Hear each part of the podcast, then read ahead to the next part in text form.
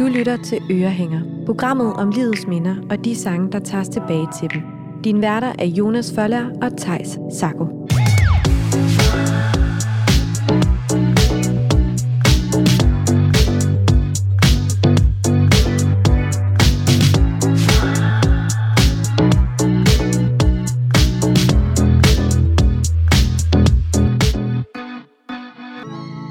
Hjertelig velkommen til ugens afsnit af Ørehænger, hvor vi jo som sædvanligt har en gæst med i studiet.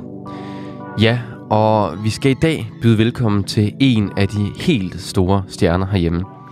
Hun udgav som 25-årig sit anmelderoste debutalbum The Black Cat Neighborhood. Og hun blev i 2011 landskendt med sin sang Out of It til DR-serien Lykke. Og det blev starten på en karriere inden for musikkens verden, og hun har i dag fire albums bag sig.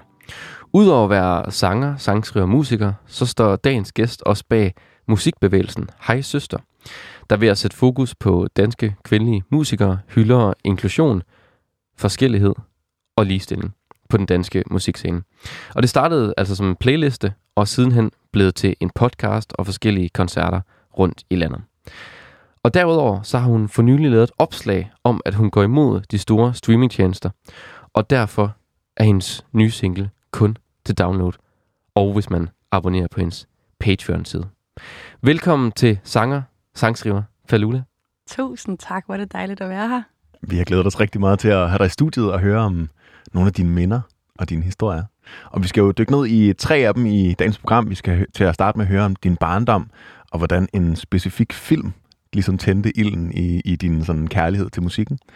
Så skal vi høre om dengang, du flyttede fra byen til landet, og øh, et specifikt girlband hjalp dig med ikke at føle dig alt for alene i den her tid. Og så til sidst, så skal vi høre om din tid i start 20'erne, hvor du boede i New York. Vi skal jo høre om det her første minde, hvor at, øh, du ligesom så en film, og som tændte din kærlighed til musikken. Hvor, øh, hvor gammel var du på det her tidspunkt?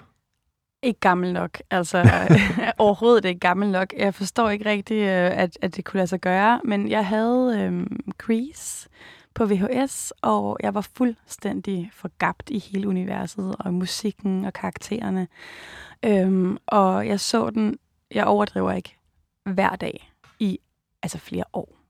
I flere år, ja, simpelthen? jeg kunne citere oh. alle replikker udenad. Jeg kunne alle sange udenad. Altså det var sådan, jeg var besat. Øhm, og jeg tror, altså, jeg har måske været... Altså, måske startet med at se den, der var sådan 6-7 år. Ja. Jeg, at sige. jeg er ikke helt sikker, men jeg tror, det var der omkring.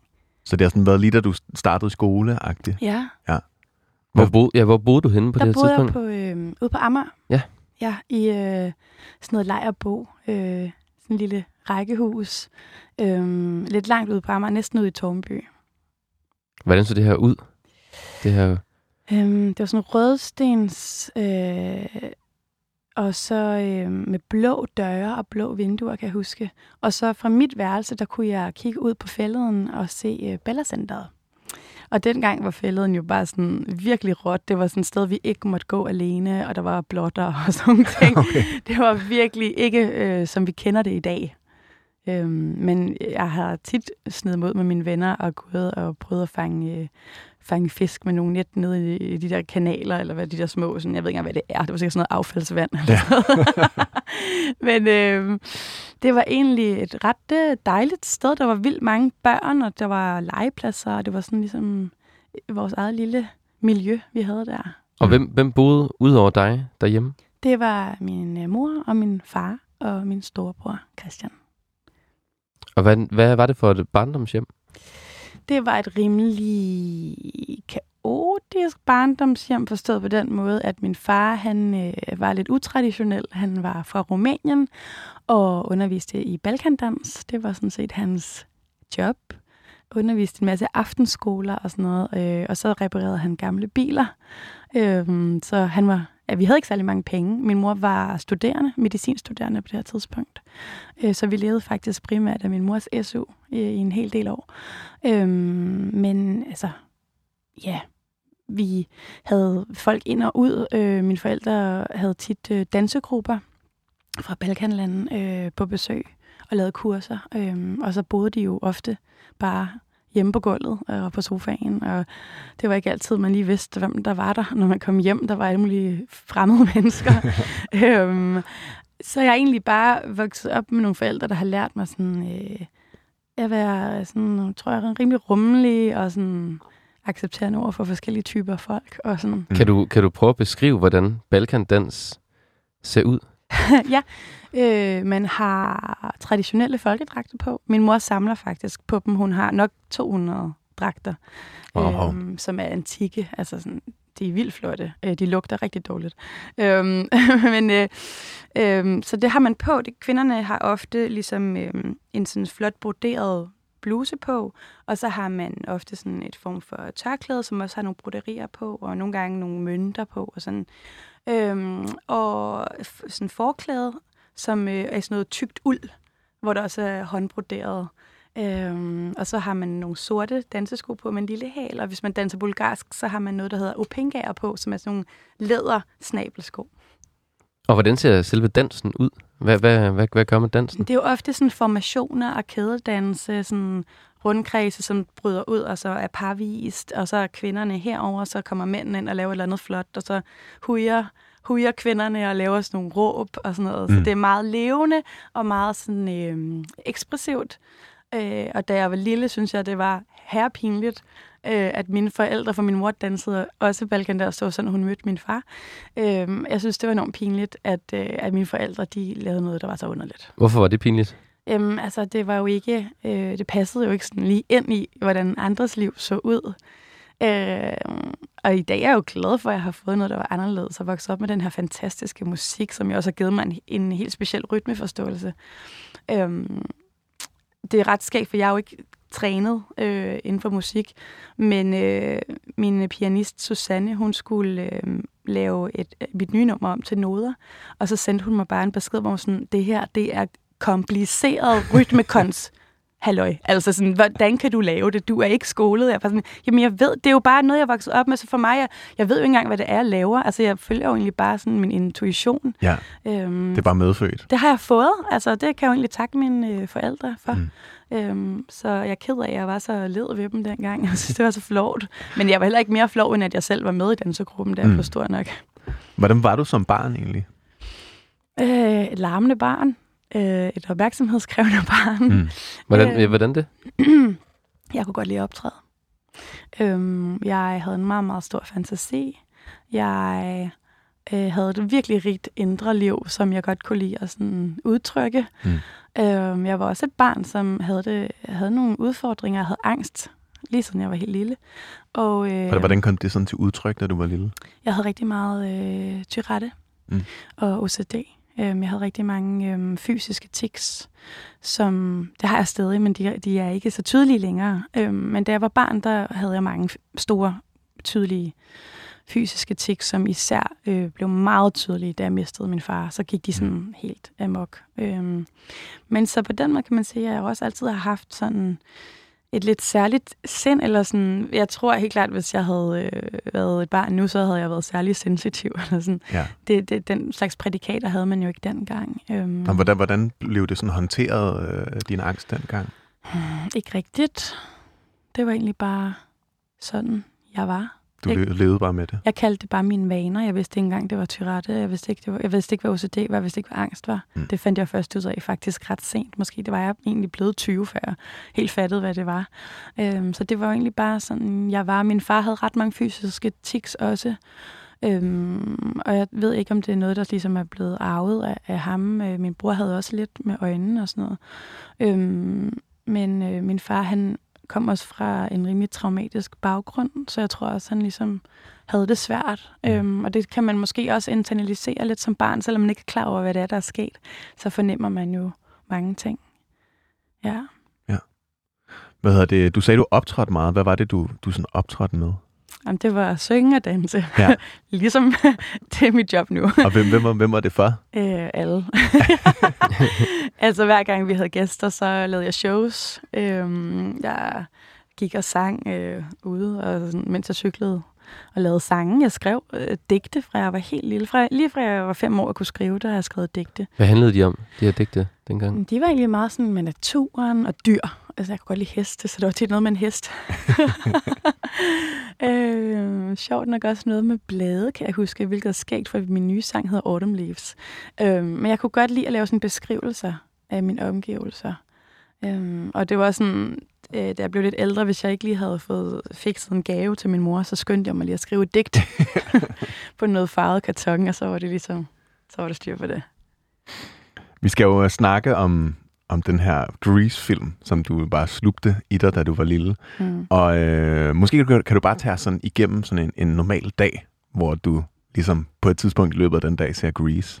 Hvordan, ja. øh, hvordan ser sådan en dag ud? Altså, dagen var altid, at vores morgener var kæmpe kaos, sådan alt for sent afsted. jeg kom altid for sent i skole.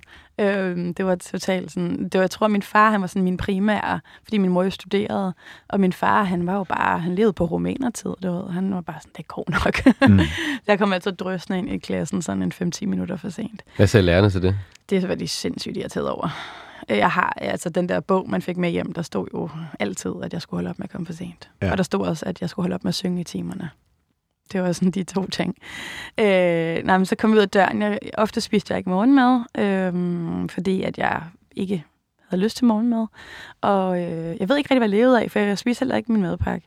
Øh, jeg kunne ikke lide skolemælk. Jeg tror, at sådan, hvis jeg havde en fem eller sådan noget, så gik vi ned i kiosken og købte nogle samosaer eller et eller andet. Ja. Eller noget slik. øh, så jeg, jeg levede egentlig sådan rimelig sådan, hvad kan man sige, ukontrolleret børneliv. Og sådan, det var ikke, det var slet ikke sådan, som jeg selv er forældre. Altså, overhovedet ikke. Øh, og øh, så kom jeg hjem. Jeg begyndte egentlig at tage bussen hjem selv, da jeg nok var omkring en syv, tror jeg der var alligevel ret langt, fordi at vi boede derude ved, ved øhm, til Kongelundsvej, og jeg skulle helt op til Amagerfællet skole. Så det var egentlig en, en pæn tur. Hvor lang tid øhm, tog den cirka i bus der? Ja, bus, det tog måske kvarter mm. eller sådan noget. Så det er alligevel et stykke vej. Ikke? Det var ikke sådan, jeg kunne ikke lige gå til Nej. skole eller cykle. Øhm, og så kom jeg hjem, og så havde jeg en nøgle om halsen og lukkede mig ind. Så det måske har jeg været 8 eller 7. Jeg, nej, jeg har nok ikke været seks på det tidspunkt alligevel. Øh, og så satte jeg øh, øh, VHS-båndet i, og så så jeg Grease. Mm. Og var det, altså, lavede du noget imens, du så Grease? Nej, jeg tror simpelthen, jeg var totalt... Måske jeg spiste en toast eller noget. altså, altså, jeg var fuldstændig opslugt. Og hvad var det ved den her film, ja, du blev så betaget af? Altså udover at jeg var meget forelsket John Travolta på det tidspunkt, hvilket også er sådan sygt upassende. Men jeg synes bare, han var så sej, han kunne synge og danse. Og, sådan. og så ville jeg jo gerne være Olivia Newton-John. Jeg synes, hun var den sejeste i hele verden. Den der glasklare vokal, hun havde, sådan, den ramte mig bare. Jeg synes simpelthen, hun sang så smukt. Og så er det jo bare så velskrevet musik. Øhm, og det, det responderede jeg bare på. Altså, jeg tænker også, det står i stærk kontrast til Balkan musik. Ja, det var helt klart noget helt andet. Det kan man sige. Det er jo sådan mere musical-tradition i virkeligheden. Det var jo også en musical først, inden det blev lavet til en film. Så var det en musical på Broadway, øhm, hvor John Travolta jo egentlig også var med i den originale opsætning, men som Kinnicky, hvis jeg ikke tager meget fejl. Mm. Lidt nørdet. Ja, som er en af, en af John Travoltas slæng. Lige præcis, ja, sådan ja. hovedslænget der. Mm. Øhm, ja, øh, så ja, det var noget helt andet musik, men jeg tror også, jeg havde brug for lidt at finde mit eget. Sådan, jeg synes, det var irriterende at være underlagt min forældres musiksmag. Øh, så jeg søgte jo også noget, som var mit på en eller anden måde, tror jeg. Og hvad var det for noget af musikken, der så ligesom talte til dig? Jeg tror, det var historiefortællingen rigtig meget. Altså, jeg synes virkelig, at teksterne var, var virkelig velskrevne, og altså, jeg kunne leve mig ind i det her univers, og det her med måske også sådan drømme om at kunne være en anden, og kunne bo i USA, og være en del af sådan noget high school, og sådan noget. Jeg synes, det var sindssygt cool. Var det noget, som du delte med andre? Øh, altså, Grease var jo meget populært, så jeg har helt sikkert mm. ikke været den eneste, der synes det var fedt. Jeg tror ikke, der var nogen, der dyrkede det måske helt i den grad, jeg gjorde. Men havde du, havde, havde du venner med hjem nogle gange og set den? Eller? Det havde jeg sikkert. Jeg har faktisk svært ved at huske det. Mm. Øh, men ja, det har jeg da sikkert haft, tænker jeg.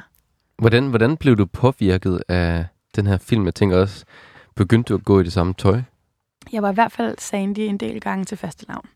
Ja. Øhm, og jeg har også nogle billeder af det, af mig som Sandy. Jeg kan også huske min veninde Anne, hun synes også, at Grease var rigtig fedt. Så hun var også, øh, hun var Danny, kan jeg huske, et år. Så var vi ligesom parret der.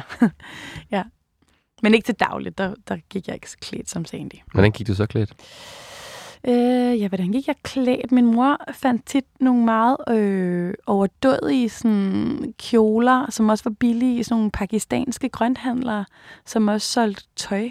Øh, som var sådan noget med store sløjfer og sådan et silkeagtigt stof øh, i enten helt hvid eller helt pink. Eller sådan. Jeg var lidt sådan over the top. Øh, og jeg, kunne, jeg elskede, når jeg, når jeg gik til dans, at vi skulle have optræden, og så fik vi jo specialsyet nogle, nogle kostymer, og jeg synes, det var så fedt at gå i de der kostymer der. Jeg fik sådan et lyserødt sæt, som var sådan nogle flower power bukser, og sådan en lille top med sådan nogle flower power ærmer, som jeg synes, jeg har det stadig. Min datter, hun, øh, hun får lov at arve det. Øhm, så jeg var helt klart sådan lidt... Øh, Ja, jeg var ikke en, jeg var ikke en minimalist. mm. hvad, hvad, hvad synes du om at have det der på til daglig, altså i skole og sådan noget? Det, det synes jeg var for fedt. Når jeg fik lov, synes jeg, det var mega fedt. Og hvordan reagerede sådan dine, dine klassekammerater på det? Mm, jeg husker det egentlig som om, jeg, jeg gik i en vildt god klasse der på Amager, hvor at der var børn fra alle mulige lande og alle mulige kulturer, og der var ikke nogen, der sådan så ned på det. Jeg tror bare, at øh, der fik man egentlig lov til at være rimelig fri, som jeg husker det. Mm. Ja.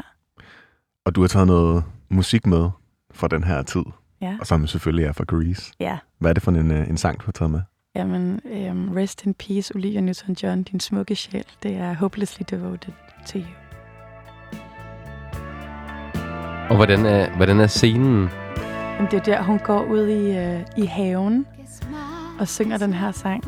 Um, altså, jeg kan huske, der er sådan noget, hvor hun kigger ned i en pool, og der er den her refleksion, hvor man ser hende tilbage, som var enormt smuk, og der er det her måneskin, og hun har sådan en smuk natkjole på, der er sådan lidt flowy. Kan I huske det? ja, det er det stærke billede, ja. Ja, og så har hun det der svungne, blonde hår, der bare sidder sådan helt perfekt. Ja, det var meget manikyreret, ikke? Mm. Hvad, hvad, sådan, hvad går der igennem hovedet, når du, når du hører sangen i dag? Ej, jeg synes, den er så smuk. Den der længsel, det der heartbreak, sådan, og kæft, hvor man bare har mærket det selv. Jeg synes, det er en evergreen af en god grund. Altså, det er jo et fantastisk nummer. Mm.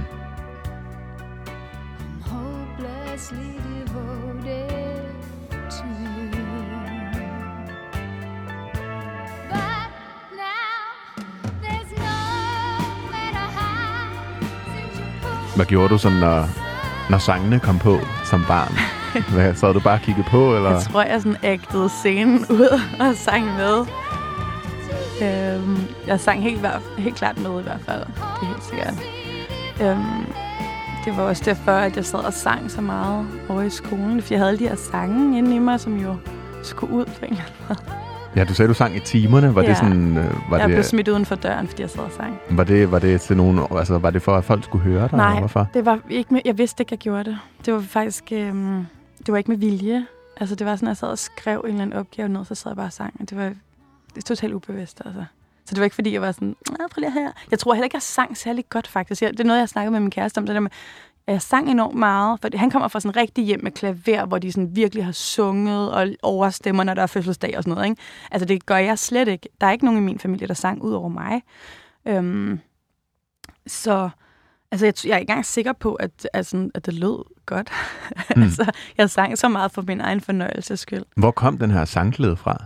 Jamen, jeg ved det ærligt talt ikke. Altså, jeg sang, altså, sang, sang dine forældre, ja? Nej, jo, altså sådan, det der rumænske... Min far sang der nogle gange godnatsang for mig og sådan noget. Øhm, han sang sådan en israelsk godnatsang, sjovt nok. Øhm, men øh, nej, altså jeg ved ikke, der er ikke nogen, der har sunget sådan rigtigt i min familie, ud over mig. Det er lidt mærkeligt. Måske nogle forfædre, jeg ikke har mødt. Jeg har jo heller ikke mødt min fars forældre. Mm. Det har jeg aldrig mødt. Så jeg ved jo faktisk ikke, om der gemmer sig noget der. Det kan være, der er en stor sanger gennem der. M- muligvis. Altså, who knows? Det er et totalt mysterium med min fars fortid. Der er mange ting, der er meget mystiske omkring. Ja, hvordan det? Ja, det er en stor snak at åbne op her. Men øh, jeg ved ikke så meget om hans fortid. Øhm, så det er, det er lidt underligt, det hele. Altså, øhm, ja, han snakkede med PET nogle gange, har jeg fundet ud af som voksen. Ja. Øh, var inde og snakke med dem øh, omkring nogle ting. Jeg ved ikke, hvad det drejer sig om. Min mor ved det heller ikke. Så der er nogle lidt øh, ubekendte faktorer. Ja. Ja. Ja, han, han gik også bort, ja, sagde du? da jeg var ni år. Da du var ni år gammel. Ja. Hvordan, hvordan døde han? Han havde, han havde kræft. Okay. han havde levet et rigtig, rigtig hårdt liv. Altså, han øh, var jo flygtet som... Øh, han var blevet efterladt af sin mor som 13-årig, øh, og så været alene under krigen. Øh, og øh, var flygtet. Øh, var egentlig slet ikke meningen, at han skulle være til Danmark, men han havde en, en lille søster, der boede her. Øh, og så endte han her bare lidt. Han var egentlig på vej til USA. Øh, og det her er der også nogle ting, der er mystiske, fordi jeg har altid fået at vide, at min far var døde, da, mit, da min far var lille. Og øhm, så sad jeg på Ancestry. På tidspunkt kender I det? Det er sådan en, hvor man kan søge Sådan på... en uh, slægtsside, slægts- ja. Så fandt jeg min farfar, som jo så overhovedet ikke var død, da min far var lille, men faktisk var flyttet øhm, øh, med en ny kvinde til Halifax. Skulle jeg var kommet med en båd over fra, fra Tyskland til Halifax, og så vist nok kommet videre til USA. Hvilket er sjovt, for min far ville til USA, så jeg kan ikke lade være med at tænke sådan, ville han over og finde sin far igen? Eller, og hvorfor fik vi at vide, at han var død af alkoholisme? Var det fordi, det var så skamfuldt, at de var gået fra hende? Altså, der er Ja, så... der er jo mange tanker, der vælter op, og man kan forestille sig alle mulige Altså. altså. forskellige scenarier. Og med min fantasi, ikke? Ja. Altså, jeg er bare Ja. ja. sådan, hvad foregik der? Jeg ved det ikke. Og altså, hvor- hvornår fandt du ud af de her ting? Jamen, det var da jeg var i starten af 20'erne. Ja. Faktisk omkring, jeg lavede mit første album. Der var rigtig mange ting, der væltede op på det tidspunkt, så det var en vild tid. Hvordan blev, blev du inspireret altså, af det her? Jeg tror egentlig bare, jeg blev frustreret. Eller sådan følte, at jeg ikke helt vidste, hvem jeg selv var på en eller anden mærkelig måde. Det der med, at der er så meget, jeg ikke ved om mit ophav, og det er jo ikke sådan tip-tip oldefar eller oldemor, det er jo vidderligt sådan et led ude fra min far, ikke? Mm. Så det er super underligt. Jeg har aldrig snakket om det her offentligt, så det er også lidt vildt at så dele det. Øh, men det er også fordi, det er så personligt, det der med, at jeg vidderligt ikke ved, hvad jeg finder, hvis jeg begynder at grave mere. Jeg prøvede at få indsigt. Jeg skrev til øh, PT for måske otte år siden, og de gav mig afslag. Ja. Så jeg ved ikke, hvorfor de ville snakke med min far. Ja, det er spændende. Mm, Det er virkelig... må være vildt også. det er vildt. Hvordan øh, har, har, har din, sådan resten af din familie, din mor og din bror reagerede på det? Er det noget, I sådan har, har, har prøvet at dykke ned i sammen? Eller? Jeg blev lidt irriteret på min mor over det. Jeg var sådan, hvorfor, hvordan kunne du være gift med en? Og så ikke sådan gå ham på klingen omkring, hvad det var. Men hun sagde, jeg vil egentlig helst ikke vide noget, fordi jeg vil egentlig, hvis der var noget, der ikke var godt eller sådan noget, ville jeg egentlig bare gerne beskytte jer. Øh, så jeg vil egentlig bare helst ikke helt vide, hvad der foregik. Hvilket er på en måde, nu hvor jeg har børn, egentlig godt kan forstå. Mm. Øhm, men det er jo selvfølgelig super frustrerende, fordi jeg kender jo min far fra en side, og han var jo enormt kærlig over for mig. Jeg var virkelig sådan hans lille øjesten, og vi havde en meget, meget tæt relation. Øhm, så det er jo underligt for mig, at der måske er nogle ting, der, ja, som, jeg, som er større, end jeg måske lige fatter. Altså, jeg, jeg, jeg ved ikke helt, hvad det er, man kunne finde, hvis man begyndte at grave. Mm. Nej, det må også være, om man, ja, om man har lyst til at finde ud af Ja. sandheden, ikke? Jeg har prøvet lidt, men øhm, jeg er også lidt bange for det. Ja. Hvor- Hvorfor? Altså, hvad, hvad, Jamen, okay, men det er fordi, min far kendte jo rigtig mange forskellige, og sådan, der underviste i balkandans. Og. Så var der engang en, vi havde på besøg, efter min far var død, en del år efter, som min mor sagde, ligesom havde nogle traumer, fordi han havde været i krig, og at han sagde nogle mærkelige ting og sådan noget, men han sagde blandt andet, at min far var spion. okay. Øhm, og, jeg det, var, ja, det, det kan jo også bare være, fordi han var mærkelig. og det kan vidderligt 100% være, fordi han bare var underlig og paranoid, fordi der er der mange, der blev af at være i krig. Ja, er og, øh, og, øh, og, det, og min mor var jo bare sådan, det passer simpelthen ikke. Altså, jeg har jo levet med manden i, jeg ved ikke, hvor mange år. Altså, det er ikke rigtigt. Men det er jo klart, når jeg så fik at vide øh, lige pludselig, at de havde snakket med mig, altså, jeg aner det ikke. Øhm, og og det er sådan, jeg kommer ind for at snakke om musik, og ender med at tale om det her. Det er rimelig syret. Øhm, jeg, jeg aner det simpelthen ikke. Altså, who the fuck knows? Øhm, og hvad er det, man gerne vil finde ud af? Og hvad, hvad for nogle minder vil man gerne øh, bevare, som de Mm, var? Og sådan Det er jo noget. klart. Så det hele er sgu lidt... Øh... Men hvem, hvad, altså, fortalte han mere? Altså, bare, hvem Nej, var han nej. spion for, eller noget? Nej, overhovedet ikke. Altså, Mm. mm. overhovedet ikke. Um, ja, jeg ved ingenting, altså. Det er, det er, det er rigtig underligt. Mm. Jeg ved bare, at han var en virkelig god far for mig, øh, og jeg var enormt knust, da han var væk. Ja. Det er sådan set bare det, jeg ved. Vi skal jo videre fra Stille og roligt. stille, stille og roligt videre fra... Øh, vi, har, vi sidder med tusind spørgsmål, det gør du Det var- også. det gør jeg også. Det var og, noget og den ingen kan svare på dem. Men, men, men nu kan vi stille nogle spørgsmål, som du i hvert fald kan svare på. Ja. Øhm, fordi vi skal jo videre til det næste minde, du har taget med. Hvor gammel er du på det her tidspunkt? Jeg er 11 øh, og er lige flyttet fra Amager til noget, der hedder Jyderup, som ligger på Vestjylland, mellem Holbæk og Kalundborg. Mm. Og faktisk boede vi ikke engang i Jyderup. Vi boede uden for Jyderup i noget, der hed Høet. H-Ø-E-D. Og hvor, hvorfor, hvorfor flyttede I her til, til høet? Ja, til Høden. Mm.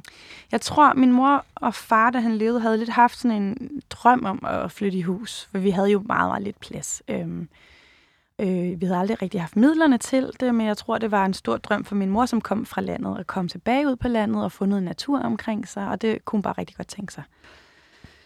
Øh, og det, det havde hun lidt låst sig fast på, at det skulle ske. Og så øh, efter min far gik bort, så ville hun ligesom gerne gennemføre den her idé om at komme ud og få noget dejlig luft øh, ude på landet. Og øh, hun fandt det her smadrede, kæmpe store hus. Jeg, kan du prøve at beskrive det her hus lidt? Er det et totalt spøgelseshus.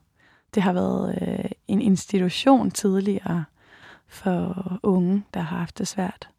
Øhm, det var rigtig stort. Det var i to plan. Man kom ligesom ind, og så var der ligesom noget stor stue til højre og et køkken, og så var der nogle værelser nede ad en gang, og så var, gik, var der sådan en gang imellem øh, det sted til, til ned til, hvor der var sådan en stor gildesal, øh, og hvor der var nogle gæsteværelser og et ekstra toilet og sådan noget. Og så var der ligesom en trappe op til første sal, hvor der var en hel masse værelser også, øhm, og en lille og en stue ovenpå os, og så en lille sådan tv-stue-agtig. Så det var sådan kæmpe stort og øh, sådan faldefærdigt, og øhm, ja, jeg synes ikke, der var rart. Hvordan var det faldefærdigt?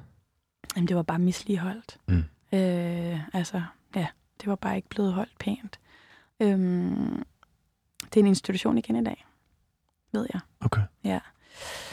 Øhm, eller et bosted, eller hvad man kan sige. Ja. Og hvordan havde du det med at, at skulle flytte fra, øh, fra Amager til, til Høget? Men jeg havde jo planlagt med min daværende øh, bedste veninde, at jeg skulle stikke af dagen inden og gemme mig hjemme hos hende, så jeg ikke kunne komme afsted. Okay.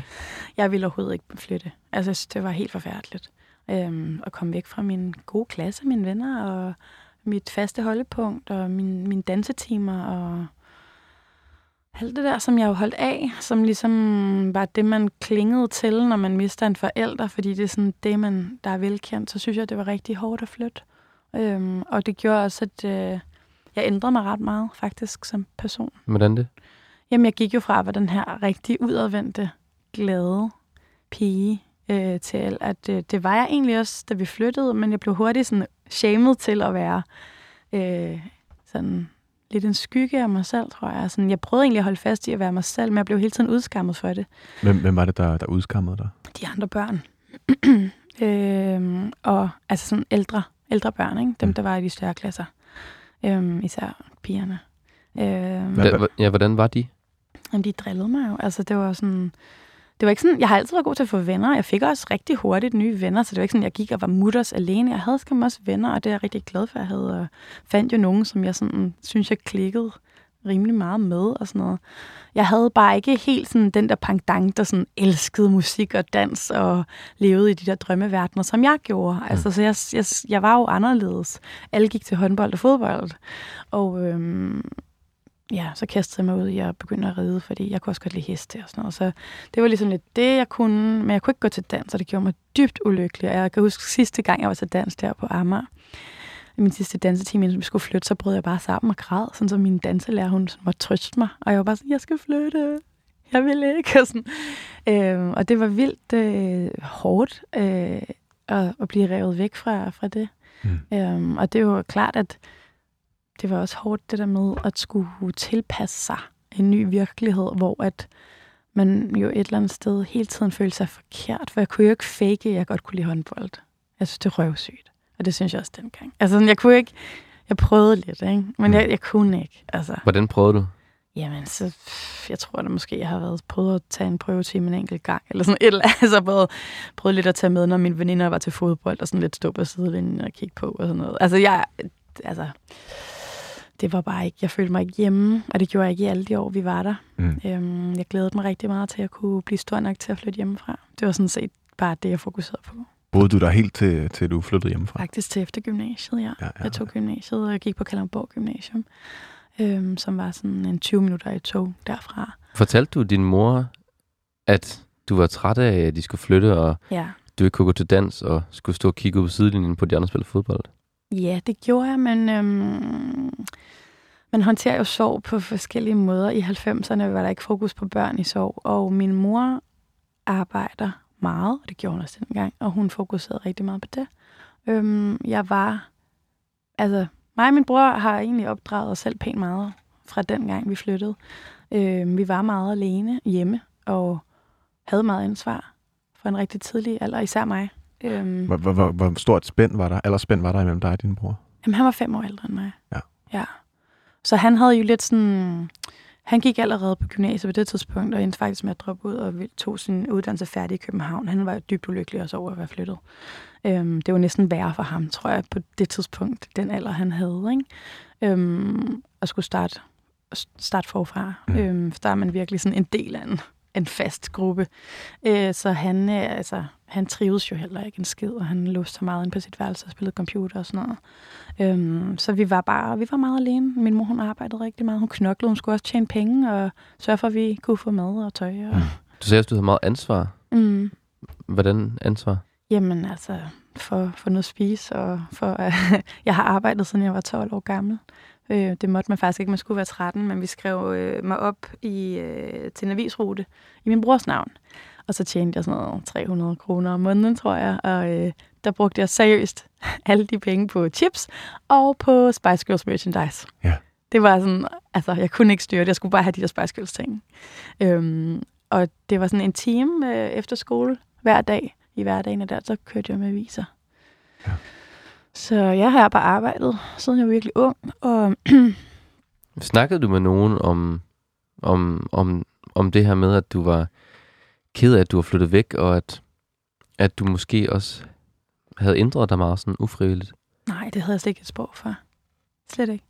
Øhm, men det var der, jeg begyndte at skrive sange. Mm.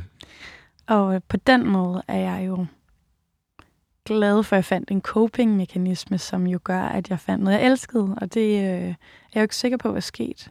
Ellers, jeg ved det ikke. Altså, hvem ved. Men øhm, jeg begyndte at skrive sange, da jeg var omkring de der 10 år. Og når jeg siger skrive sange, jeg gik ikke til et instrument eller sang, det kunne man vist heller ikke rigtigt der. Øh, medmindre man spillede harmonika eller sådan noget. Mm. Øh, men jeg skrev digte, og så lavede jeg melodier til, og så memorerede jeg det ved at bare synge det om og om igen. Og ja. så tror jeg også, at jeg nogle gange optog på et kassettebånd. Hvad inspirerede dig til at lave sange?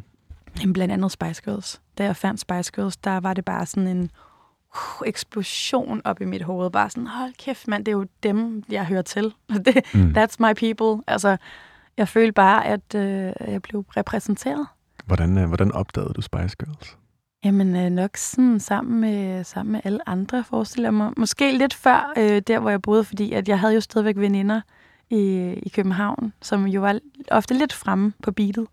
Øhm, så det kan være, at, øh, at jeg opdagede dem lige en måned tid før, eller sådan noget, alle andre øh, ude på landet. Men øhm, jeg tror, det var jo radio, man hørte dengang, og så var de jo også i fjernsyn og sådan noget. Kan, du, Øhm, kan du ikke prøve at beskrive, hvad Spice Girl var for et fænomen Jo. tilbage i 90'erne? Jamen, det var jo en mani. Altså, det var jo sådan, der var de her fem kvinder, unge kvinder, som repræsenterede hver deres sådan, stil og personlighed, og var enormt autentiske, og det kan jeg jo se, når jeg så hører interviews med dem i dag, at de var. Altså, de var fandme dem, de var. Og det stod de bare ved, og de havde nogle stærke venskaber, og de talte hinanden op. Og øhm, det her girl power begreb, det var jo første gang, jeg hørte det. Og jeg var bare sådan, det er jo det. Det er jo det, jeg føler. Det er jo lige præcis det, jeg har manglet et ord for. Det er sådan, jeg har det. Øhm, Hvordan, altså, hvordan mangler et ord for... Altså, Jamen, øh, jamen, øh, jamen, jeg tror egentlig, jeg har været feminist siden jeg var fem år eller sådan noget. Øh, jeg har altid tænkt sådan, hold kæft noget bullshit, at vi leger pigerne, øh, drengene efter pigerne, sådan, hvad er det plat, det gider sgu da ikke. Og sådan, jeg har altid stillet mig meget kritisk over for de der ting. Øhm, og så tror jeg egentlig bare, at der var nogen, der havde et sprog for det, og der var ligesom det her ord, øh, der var sådan, nå, jamen det er jo det, det er jo sådan, jeg har det indeni, jeg har bare ikke kunne beskrive det. Øhm, og det er også derfor, at jeg så mange år senere har stiftet Hej Søster, fordi vigtigheden af rollemodeller er altafgørende. øhm, hvis man ikke kan føle sig repræsenteret, så kan man heller ikke udvikle sig selv i den retning, man drømmer om. Og det er derfor, jeg brænder så meget for de her ting, fordi jeg ved, hvor fucking vigtigt det var for mig at have de her rollemodeller. Og de her rollemodeller, sådan ved jeg, det altid er med, med Spice Girls fans. Hvem af dem kunne du mest se dig selv i? Oh, Sporty Spice, hun var altså min my girl, ikke? Hvor, hvorfor det? Jeg synes, hun var vildt sej. Hun sang, jeg synes, hun sang bedst. og så synes jeg bare, det var vildt sejt. Jeg, var, jeg elskede jo at danse, så det her med, at hun kunne sådan nogle high kicks og backflips og sådan noget. Jeg synes bare, hun var så cool. Men de var alle sammen seje. Mm. Hvornår, øh, hvornår satte du sådan deres musik på? Altså, det var hele tiden. Altså, det var lige så snart, jeg kom hjem fra... Øh, det var ligesom Spice Girls, og så var der sådan Dawson's Creek. Det var sådan, det udgjorde min verden. Mm. Øhm, Dawson's Creek følte jeg jo også var sådan en redning, fordi der kunne jeg sådan se visuelt, du ved, sådan forestille mig at, at være en del af det sling, og så musikken, det var jo bare... Hvad var det for et slæng? Jamen, det var jo Dawson's Creek-slænget, ikke? Sådan med Joey og Dawson og hvad de ellers hed. Øhm, og de boede nemlig også i sådan en lidt lille by og sådan noget. Øhm, og så var der alle de her sådan intriger, store følelser. De snakkede som om, de var 55, ikke? Ja. Og jeg var et lidt specielt... Altså, sådan, jeg, jeg har læst, siden jeg var meget lille, og, og sådan slugt min mors gamle bøger fra 60'erne og sådan noget. Så jeg kan også huske, at jeg nogle gange blev drillet lidt med mit sprog, fordi jeg brugte sådan nogle lidt gammeldags vendinger og sådan noget. Hvad kunne det være for en vending? Øhm, jeg tror, jeg kan huske en gang i folkeskolen, der, da vi var flyttet, at jeg sagde noget, jeg synes noget var ægelt. Og så grinede folk. Ægelt, okay, hvor gammel er du? Og sådan, jeg kan huske, at de var sådan, det siger man sgu da ikke. Og sådan, øhm, så jeg, jeg tog meget de der sproglige blomster til mig, som jo bare var normalt tale i 60'erne, men mm. det var de jo så ikke i 90'erne. Øhm, Tog du også Spice Girls sprog til dig? Ja, helt sikkert. Det gjorde jeg. Jeg elskede jo øh, jeg elskede deres branding, som det jo var. Det var genialt. Altså, øhm, så det gjorde jeg helt sikkert. Så det var... Og kæft, hvor var det... Øh, ja, nu bruger jeg et engelsk ord, empowering. Jeg har ikke lige den, den danske pendant lige her. Mm. Men øh, det, det gjorde virkelig... Jo, jeg fandt styrke. Altså, jeg fandt virkelig styrke i dem. Det gjorde jeg. Og så, altså, musikken er jo et kapitel for sig selv, for det var jo fucking god musik.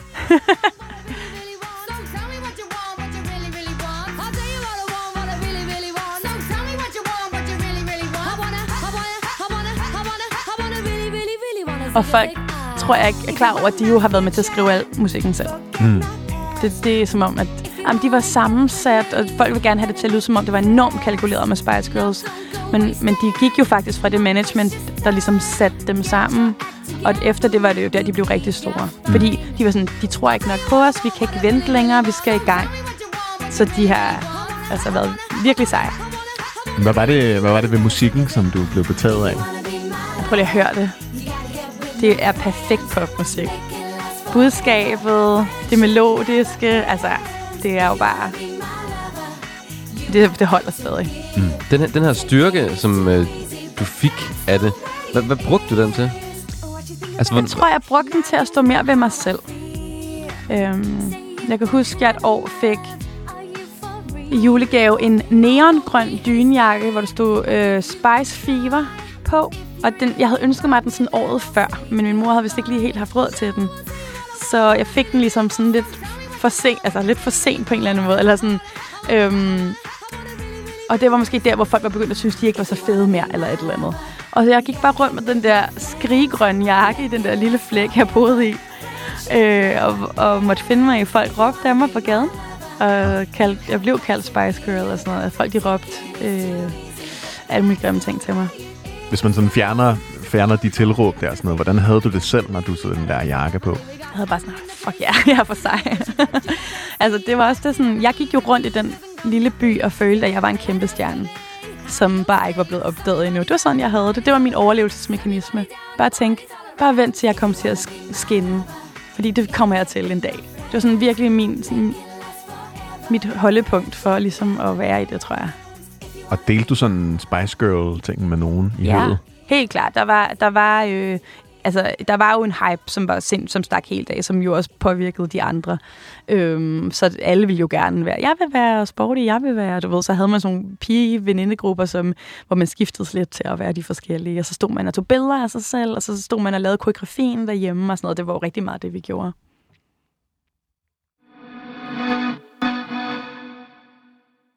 Vi skal jo til det her tredje minde, som, øh, hvor vi hopper lidt i tiden, hvor at, øh, det her, du er flyttet til New York og bor i dine start 20'ere.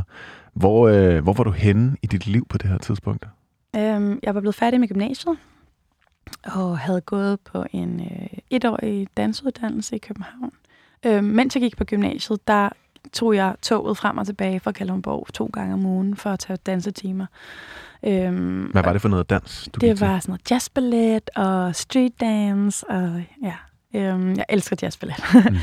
øhm, moderne dans. Hvad, hvad er jazzballet? Jazzballet, jamen, det er også en rigtig old school øh, begreb.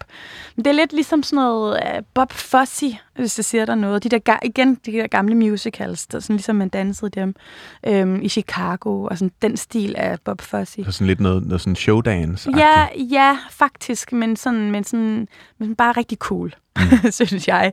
Øhm, og det er helt klart sådan noget med nogle pirouetter, noget spring over gulv og noget, nogle flotte formationer og, og sådan noget. Øhm, og så elskede jeg også at danse house, som jo er street dance, øhm, som også er mega rytmisk, som virkelig handler om at kunne danse på sådan nogle bitte små detaljer i musikken, og som er meget, meget fysisk.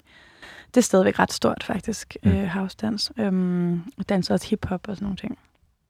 Øhm, så jeg var jo ikke en klassisk trænet. Jeg var, gik jo ikke, jeg har ikke gået til ballet, siden jeg var lille. Men jeg har altid danset sådan noget, ja, som jo nok er lidt mere showdance-agtigt.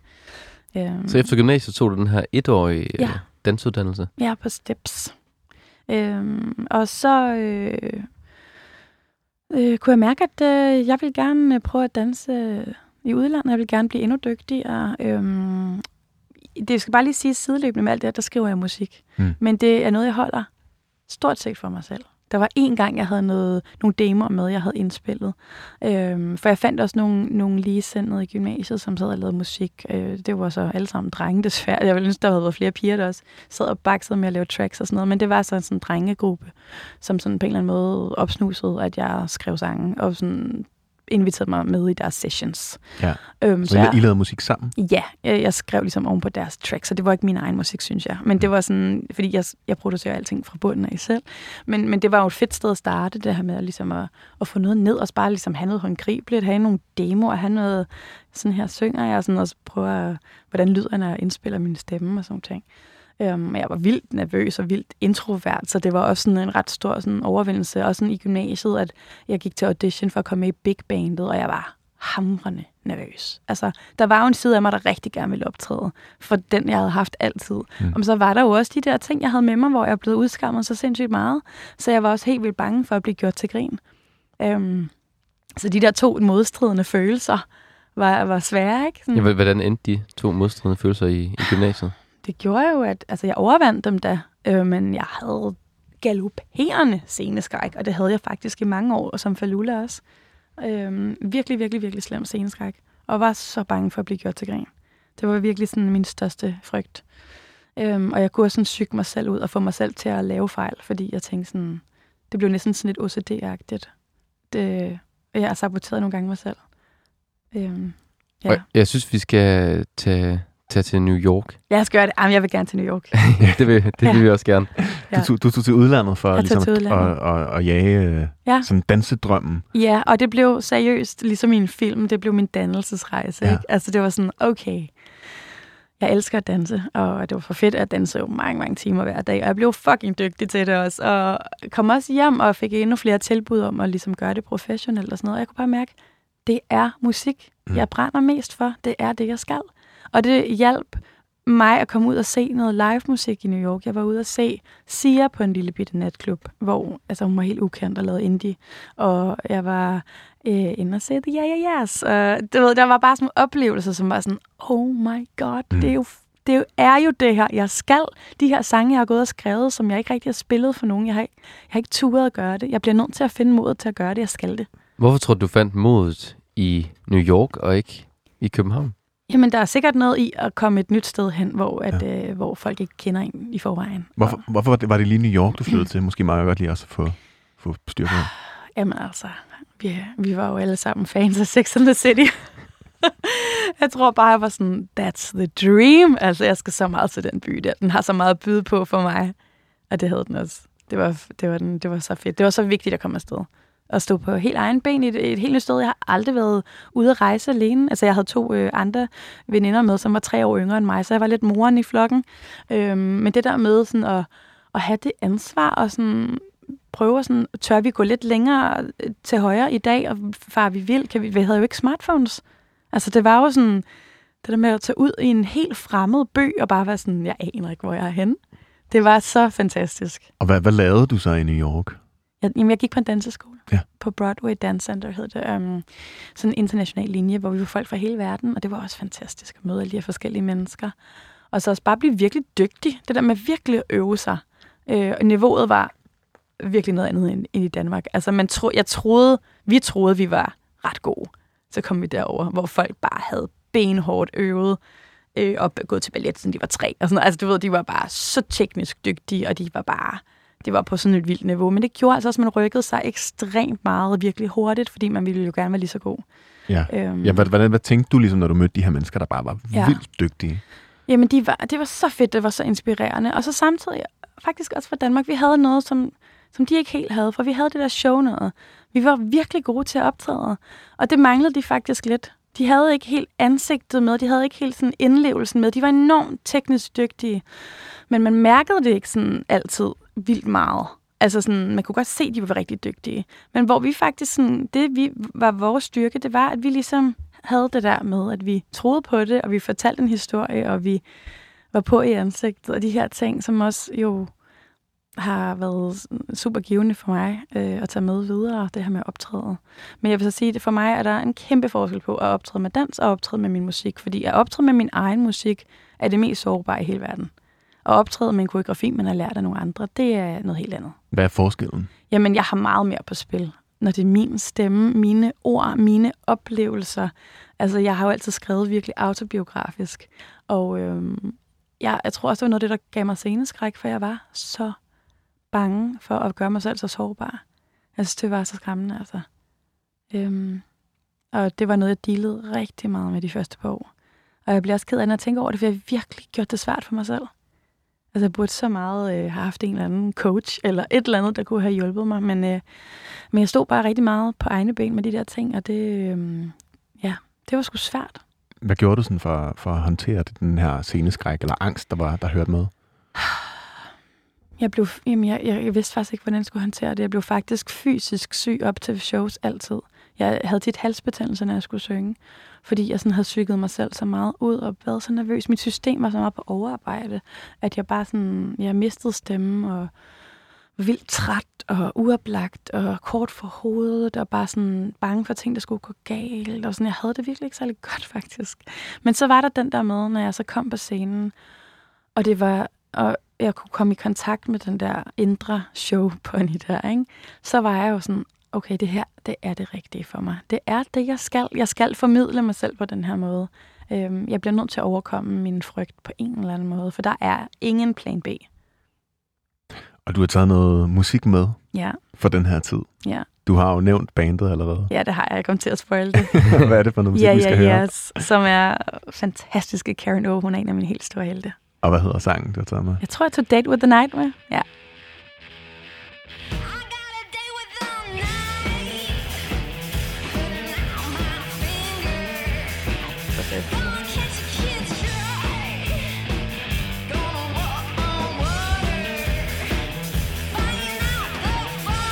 Det der, det er sådan lyden af New York.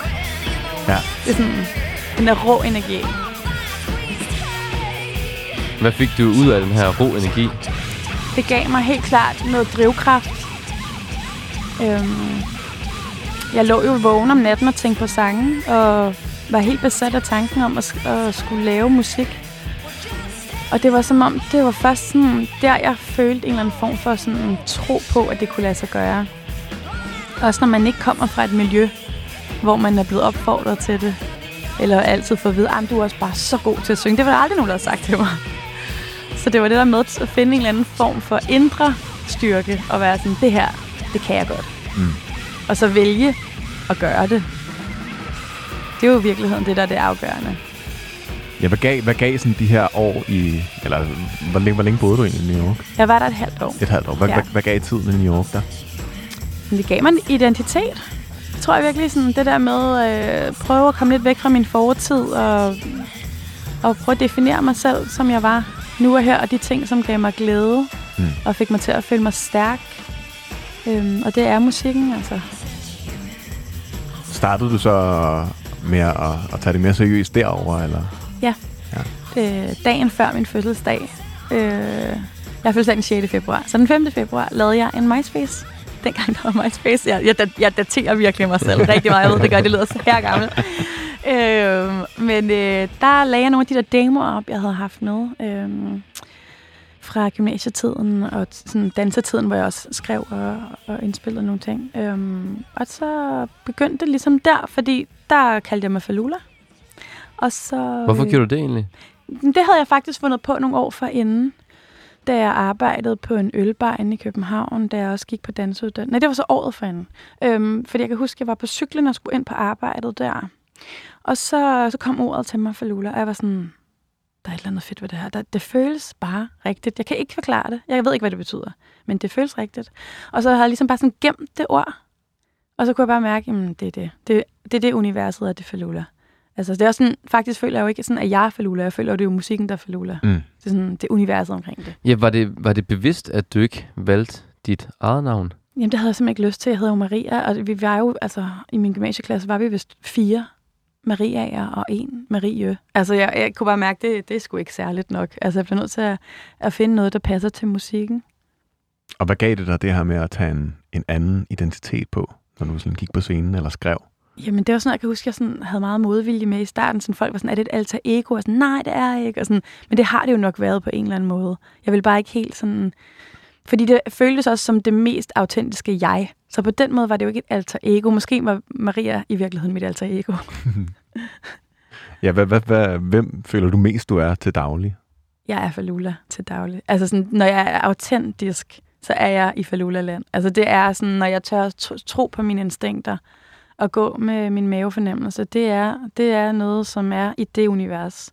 Det er også sådan, jeg altid har lavet musik. Øhm, ikke altid. Der har været en periode, hvor jeg mistede mig selv rigtig meget, hvor det var svært, hvor jeg havde svært ved at lave musik. Men øh, næsten altid. Mm.